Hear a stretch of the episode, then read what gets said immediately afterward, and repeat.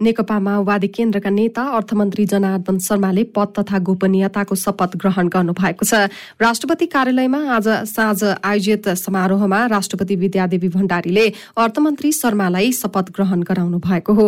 यद्यपि अर्थ मन्त्रालयका सचिव मधु मरासिनी भने सो कार्यक्रममा अनुपस्थित रहनु भएको छ। शपथ ग्रहणपछि पद बहालीका क्रममा अर्थमन्त्री शर्माले नेपाली अर्थतन्त्रलाई आर्थिक रूपमा आत्मनिर्भर बनाउन प्रतिबद्ध रहने बताउनुभयो।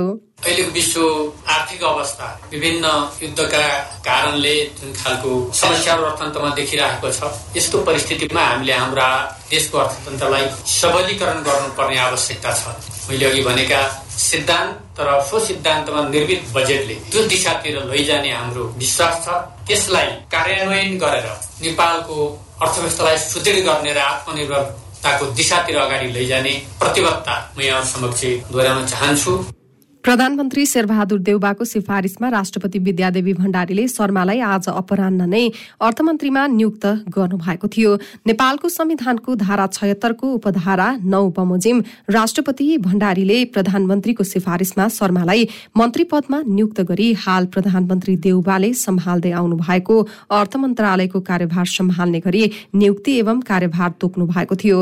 आर्थिक वर्ष दुई हजार उना अस्सी अस्सीको बजेट निर्माणको क्रममा अनति अधिकृत व्यक्तिलाई अर्थ मन्त्रालयमा प्रवेश गराई करको दर हेरफेरको विषयमा छानबिन गर्न संसदीय विशेष समिति गठन भएसँगै निवर्तमान अर्थमन्त्री शर्माले गत असार बाइस गते राजीनामा दिनुभएको थियो। तर संसदीय विशेष समितिले गत शुक्रबार बजेट निर्माणको क्रममा अर्थ मन्त्रालयमा अनधिकृत व्यक्ति प्रवेश गरेको नदेखिएको निष्कर्ष सहितको प्रतिवेदन प्रतिनिधि सभाको सभामुख अग्निप्रसाद सापकोटालाई बुझाएको थियो। यसैबीच संसदीय छानबिन विशेष समितिको प्रतिवेदन कार्यान्वयन नगर्न माग गर्दै सर्वोच्चमा रिट दायर भएको छ। उपभोक्ता हित संरक्षण मञ्चले बजेट निर्माणको क्रममा अनधिकृत व्यक्तिलाई प्रवेश गराएको सन्दर्भमा छानबिन गर्न गठित संसदीय विशेष समितिको प्रतिवेदन कार्यान्वयन नगर्न आज रिट दायर गरिएको हो। समितिले तयार बनाएको प्रतिवेदन लागू हुँदा यसले देशलाई अपूरणीय क्षति हुने मञ्चले दावी गरेको छ। संविधानको धारा सन्तानब्बे एक सय उन्नाइस दुई सय सात तीन सय बत्तीस एक बमोजिम प्रतिनिधि सभा नियमावली दुई हजार पचहत्तरको नियम एक सय उनासत्तरी एक सय अडतिस एक सय उनाचालिस विपरीतको प्रतिवेदन देखिएकोले रिट दायर गरिएको मञ्चका अध्यक्ष ज्योति बानियाले बताउनुभयो आर्थिक वर्षमा करका दरहरू हेरफेर गर्ने सम्बन्धमा अनाधिकृत व्यक्ति प्रवेश गरेको विषयमा संसदीय छानबिन नभई न्यायिक प्रकृतिको जाँच छानबिन र अनुसन्धान गर्नुपर्ने पनि रिट निवेदनमा उल्लेख गरिएको छ। यस्तै यता नेकपा एमाले पनि अर्थमन्त्री शर्मामाथि अधिकार सम्पन्न अर्को संयन्त्र मार्फत छानबिन गर्न माग गरेको छ। सत्ता पक्षले बहुमतको आडमा संसदीय छानबिन समितिको अधिकार संकुचित गर्दा दोषीले उन्मुक्ति पाएको एमालेको दावी छ। बजेट निर्माणका क्रममा अनधिकृत व्यक्तिको संलग्नताबारे अनुसन्धान गरी दोषीलाई कारवाही गर्न एमालेको अर्को अधिकार प्राप्त संयन्त्रको माग गरेको हो। अर्थमन्त्री शर्माबारे छानबिन गर्न गठित विशेष संसदीय समितिको अधिकार संकुचन गरेर गलत नजिर स्थापना गर्न खोजिएको भन्दै एमाले समितिको फरक मत राखेको छ। प्रतिनिधि सभा अन्तर्गतको महिला तथा सामाजिक समितिले थारू बस्तीमा गलत नियतले धार्मिक हस्तक्षेप गरेको भन्ने जनगुनासो आएको भन्दै यस विषयमा अनुसन्धान गर्न थारू आयोगलाई निर्देशन दिएको छ। सिंहदरबारमा आज बसेको समिति बैठकले थारू समुदायको धर्म परिवर्तन गर्ने उद्देश्यले धर्मको प्रचार गरेको धार्मिक रूपमा समूहकृत गर्ने गरेको र थारू भाषा लिपि संहिताकृत गर्ने नाममा थारू बस्तीमा गलत नियमले धार्मिक हस्तक्षेप गरेको भन्ने जनगुनासो आएको भन्दै सो विषयमा संवेदनशील भई कार्य सम्पादन गर्न र तत्काल अनुसन्धान शुरू गर्न थारू आयोगलाई निर्देशन दिएको हो। त्यस्तै बैठकले थारू समुदायको संरक्षण सम्वर्धन उत्थानका लागि एकीकृत र रणनीतिक कार्य योजना बनाई कार्य सम्पादन गर्न पनि आयोगलाई निर्देशन दिएको छ। बैठकले प्रदेश तहमा राणा थारूलाई थारू आयोगको कार्यक्षेत्र बाहिर पर्ने गरी सूचीकृत गरिएको भन्ने विषयमा लिखित रूपमा स्पष्ट जानकारी गराउन मन्त्री परिषदको कार्यालय र थारू आयोगलाई निर्देशन दिइएको समिति सभापति निरुदेवी पालले बताउनुभयो। थारू जातिको उत्थानको नाममा क्रियाशील केही गैर सरकारी संस्थाहरूले प्रकृति पूजक रहेका थारू समुदायको धर्म परिवर्तन गर्ने उद्देश्यले धर्मको प्रचार गरेको धार्मिक रूपमा समूहकृत गर्ने गरेको र थारू भाषा एवं लिपि संहिताकृत गर्ने नाममा थारू बस्तीमा गलत नियतले धार्मिक हस्तक्षेप गरेको भन्ने गम्भीर जनगुनासो आएकोले यस विषयमा संवेदनशील भई कार्य सम्पादन गर्न गराउन र तत्काल अध्ययन अनुसन्धान गर्न समिति यो बैठक थारू आयोगलाई निर्देशन गर्दछ। बैठकले बहुसंख्यक थारू जनसंख्या भएको स्थानमा नै थारू आयोगको कार्यालय स्थापना नगर्नु सिकल सेल एनिमिया तथा थालासेमिया जस्ता रोग राष्ट्रिय रूपमा नै उन्मूलन गर्ने गरी कार्ययोजना बन्न नसक्नुको कारणहरू पन्ध्र दिनभित्र समितिमा उपलब्ध गराउन थारू आयोगलाई निर्देशन दिएको छ। प्रहरी प्रधान कार्यालयले तेह्रजना प्रहरी उपरीक्षकको काज सरुवा गरेको छ। प्रहरी प्रधान कार्यालय अन्तर्गतको मानव स्रोत विकास विभागले आज एक विज्ञप्ति जारी गर्दै चार जिल्लाका प्रहरी प्रमुख परिवर्तन गरी काज सरुवा गरेको जनाएको हो। जिल्ला प्रहरी कार्यालय उदयपुरमा ज्ञानेन्द्र प्रसाद फुयाल सुनसरीमा प्रभु प्रसाद ठकाल इलामा दिलीप घिमिरे र नुवाकोटमा रमेश पण्डितलाई खटाउने निर्णय भएको छ। सिबिआईका प्रवक्ता समेत रहनुभएका श्याम कुमार महत्वको राजमार्ग सुरक्षा तथा ट्राफिक व्यवस्थापन कार्यालय सुनसरीमा सरुवा भएको छ। त्यस्तै सुनसरीमा कार्यरत सञ्जय सिंह थापा भने सिबिआईमा सरुवा हुनुभएको छ। ब्राजिलका लागि नेपालका आवासीय राजदूतमा निर्मल राज काफले नियुक्त हुनुभएको छ। संविधानको धारा दुई सय बयासीको उपधारा एक बमोजिम मन्त्री परिषदको सिफारिसमा राष्ट्रपति विद्यादेवी भण्डारीले काफ्लेलाई आवासीय राजदूतमा नियुक्त गरेको राष्ट्रपति कार्यालयले जारी गरेको विज्ञप्तिमा उल्लेख गरिएको छ। काफ्लेको यसअघि नै संसदीय सुनवाई प्रक्रिया सकिएको थियो। सभामुख अग्निप्रसाद सापकोटाले नागरिकता विधेयक प्रमाणित गर्नुभएको छ। सभामुख सापकोटाले प्रतिनिधि सभामा उत्पत्ति भएर संघीय संसदबाट पारित नेपाल नागरिकता ऐन दुई हजार त्रिसठीलाई संशोधन गर्न बनेको विधेयक आज प्रमाणित गर्नुभएको हो। सभामुख सापकोटाले प्रमाणित गर्नुभएसँगै सो विधेयक प्रमाणीकरणका लागि राष्ट्रपतिको कार्यालयमा पठाइनेछ। राष्ट्रपतिको कार्यालयले प्रमाणीकरण गरेर जारी गरेपछि राजपत्रमा प्रकाशित गरिनेछ। त्यसपछि नयाँ प्रावधान अनुसार विदेशबाट बिहे गरेर आएका महिला तत्कालै नागरिकता पाउनेछन् भने गैर आवश्यक नेपालीले पनि दोहोरो नागरिकता पाउने बाटो खुल्नेछ। प्रतिनिधि सभाको गत साउन छ गतिको बैठकले र राष्ट्रिय सभाको गत साउन बाह्र गतिको बैठकले नेपाल नागरिकता पहिलो संशोधन विधेयक दुई हजार उनासी पारित गरेको थियो। काठमाडौँको गोहेश्वरीमा फोहोर पानी प्रशोधन केन्द्र सञ्चालनमा आएको छ। खानेपानी मन्त्रालयबाट निर्मित सो प्रशोधन केन्द्रको प्रधानमन्त्री शेरबहादुर देवालले आज उद्घाटन गर्नुभएको छ। उपत्यकाको घरबाट निस्कने ढललाई सिधै खोलामा नमिसाई प्रशोधन गरेर मात्र खोलामा पठाउने योजना अनुसार उक्त प्रशोधन केन्द्र सञ्चालनमा आएको हो। कार्यक्रममा प्रधानमन्त्री शेरबहादुर देउवाले पशुपति क्षेत्रको उपल्लो क्षेत्रमा तीन करोड़ भन्दा बढ़ी फोहोर पानी संकलन गरेर बागमती मा पठाउने योजना अनुसार फोहोर पानी प्रशोधन केन्द्र निर्माण गरिएको बताउनुभयो। उहाँले धार्मिक क्षेत्र पशुपति क्षेत्रमा धार्मिक कार्य गर्दा सफा पानीको प्रयोग गर्ने उद्देश्य रहेको जानकारी दिनुभयो। बालकुमारी सल्लाघारी र धोबी खोलामा छिट्टै फोहोर पानी प्रशोधन केन्द्र सञ्चालनमा आउने उहाँको भनाइ छ। नेकपा एमालेका अध्यक्ष केपी शर्मा ओलीले पार्टीका गतिविधिलाई प्रभावकारी रूपमा सञ्चालन गर्न केन्द्रीय विभागलाई निर्देशन दिनुभएको छ।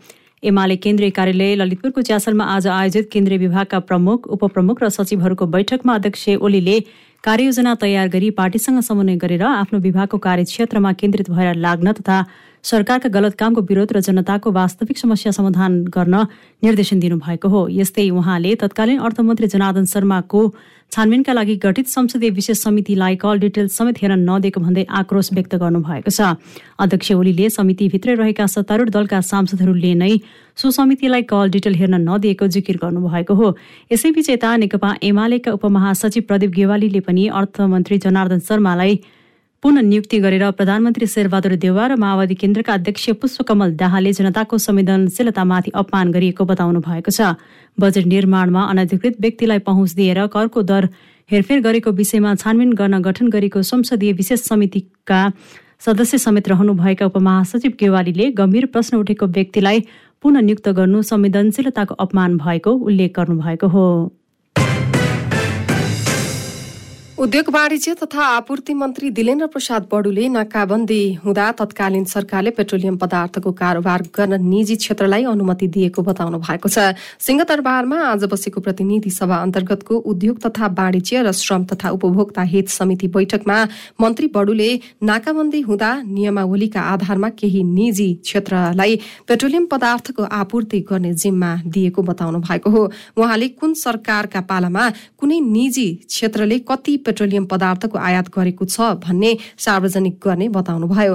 अरबौंको चलखेलमा आयल निगमलाई निजीकरण गर्ने भनेर नेताहरूले नै निराधार भ्रमण निराधार भ्रम फैलाउने काम गरेको उहाँको भनाइ छ। मन्त्री बडुले अहिले पेट्रोलियम पदार्थको कारोबार निजी क्षेत्रलाई दिने सरकारको कुनै तयारी नरहेको स्पष्ट पार्नुभयो। अहिलेको मुख्य विषय भने निगमभित्रको सुधार मात्रै भएको उहाँले बताउनुभयो। उहाँले निगम अहिले पनि पचास करोड घाटामा रहेको र इन्डियन आयल कर्पोरेसनलाई बाइस अर्ब चालिस करोड बुझाउन बाँकी रहेको जानकारी दिनुभयो। मन्त्री बडुले पेट्रोलियम पदार्थको ढुवानी निजी क्षेत्रबाट हुने गरेको भन्दै ढुवानीको पैसा नपाएका कारण समस्या देखाउने गरेको जिकिर गर्नुभयो। अहिले पनि पचास अरब रुपियाँ घाटा देखिएको छ।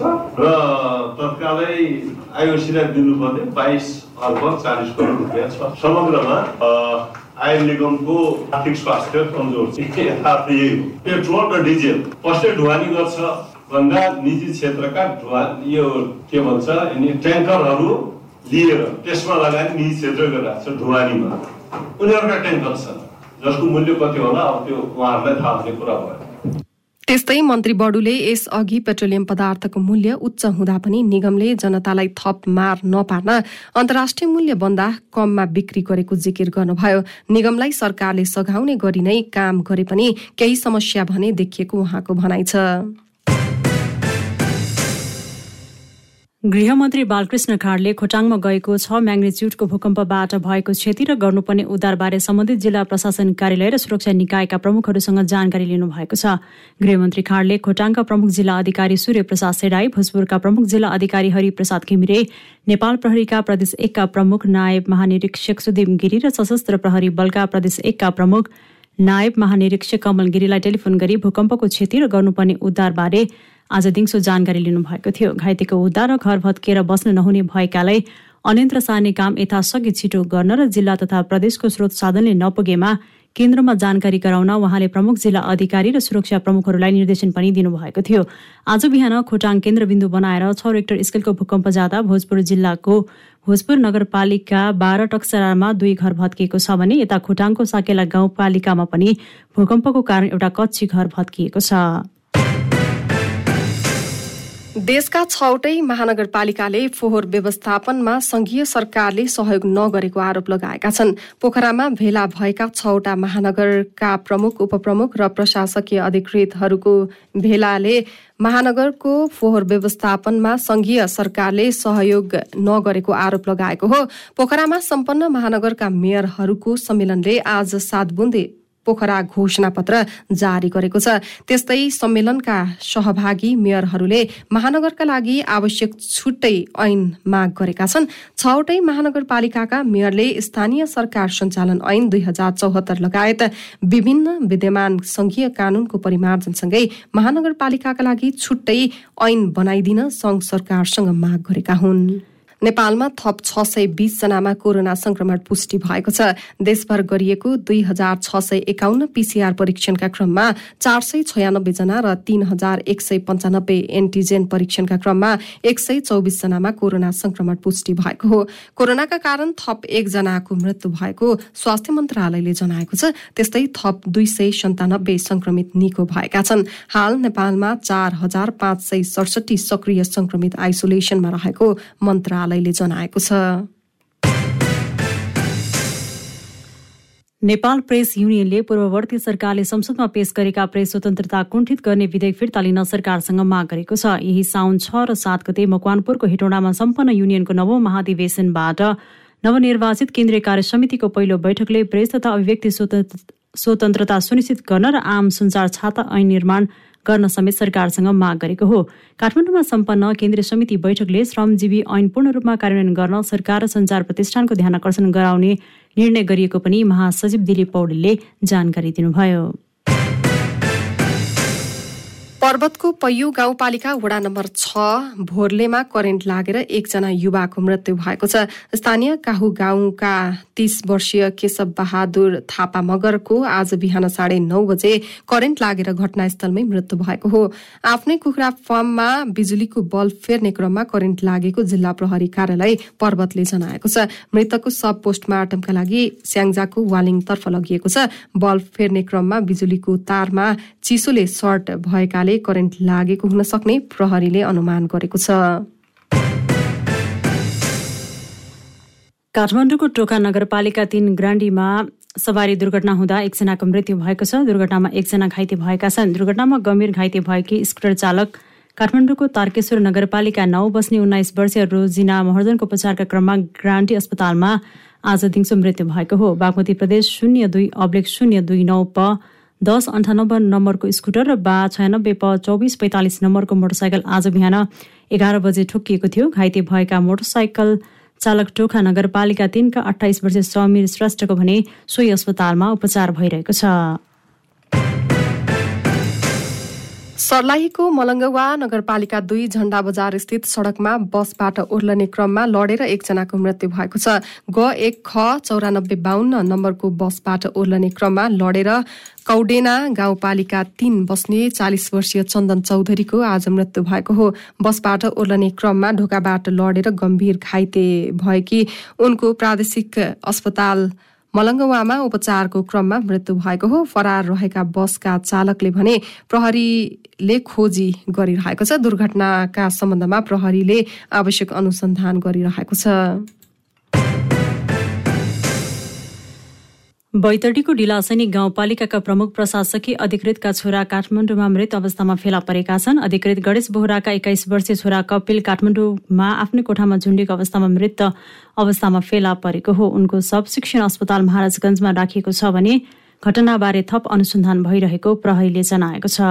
ऊर्जा मन्त्री पम्फा भूषाले लाइसेन्स लिएर काम सुरु नगरेका जलविद्युत आयोजनाको पिपिए रद्द गरिने बताउनु भएको छ। नेपाल आर्थिक पत्रकार समासेजनले आज काठमाडौँमा आयोजना गरेको कार्यक्रममा बोल्दै ऊर्जा मन्त्री भूषाले करिब सोह्र सय मेगावाट बराबरका आयोजनाहरूको विद्युत खरिद सम्झौता पिपिए सम्झौता भएर पनि निर्माण हुन नसकेको भन्दै खोला नदी ओगटेर बस्ने प्रवृत्तिलाई निस्तेज गर्ने गरी कदम चालिने बताउनु भएको हो।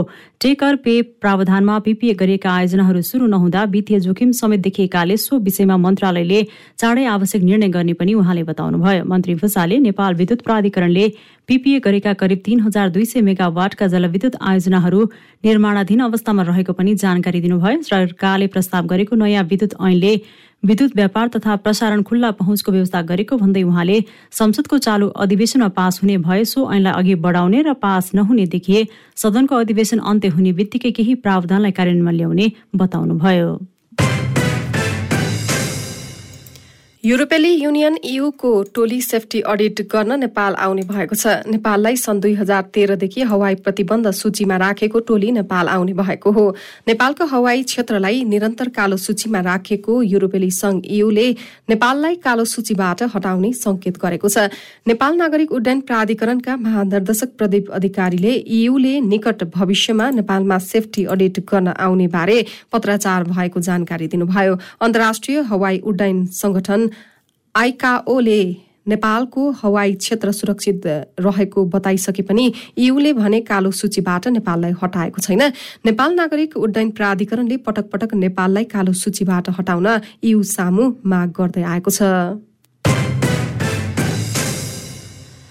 नेपाल नागरिक उड्डयन प्राधिकरणले एकचालिस अर्ब पचासी करोड रुपियाँ बजेट विनियोजन गरेको छ। पोखरामा सञ्चालक समितिको गत साउन आठ गतिको बैठकले स्वीकृत गरेको बजेट प्राधिकरणले आज सार्वजनिक गरेको हो। प्राधिकरणको कुल बजेटमा आमदानी चौध अर्ब बत्तीस करोड रुपियाँ रहेको छ भने सरकारको ऋण तथा सेयर बाह्र अर्ब चौबिस करोड रुपियाँ पुगेको छ। यस्तै नेपाल सरकारबाट प्राप्त हुनुपर्ने छयासी करोड जेठ उनातिससम्म बढी भुक्तानी भएको मूल्य अभिवृद्धि कर नेपाल सरकारबाट फिर्ता पाउनुपर्ने तीन अर्ब एक करोड रहेको छ। प्राधिकरणले कर्मचारी बोनस चार करोड बाह्र लाख रुपियाँ रहेको छ। नयाँ बजेटले विमानस्थलमा टर्मिनल भवन निर्माणलाई पनि प्राथमिकतामा राखेको छ।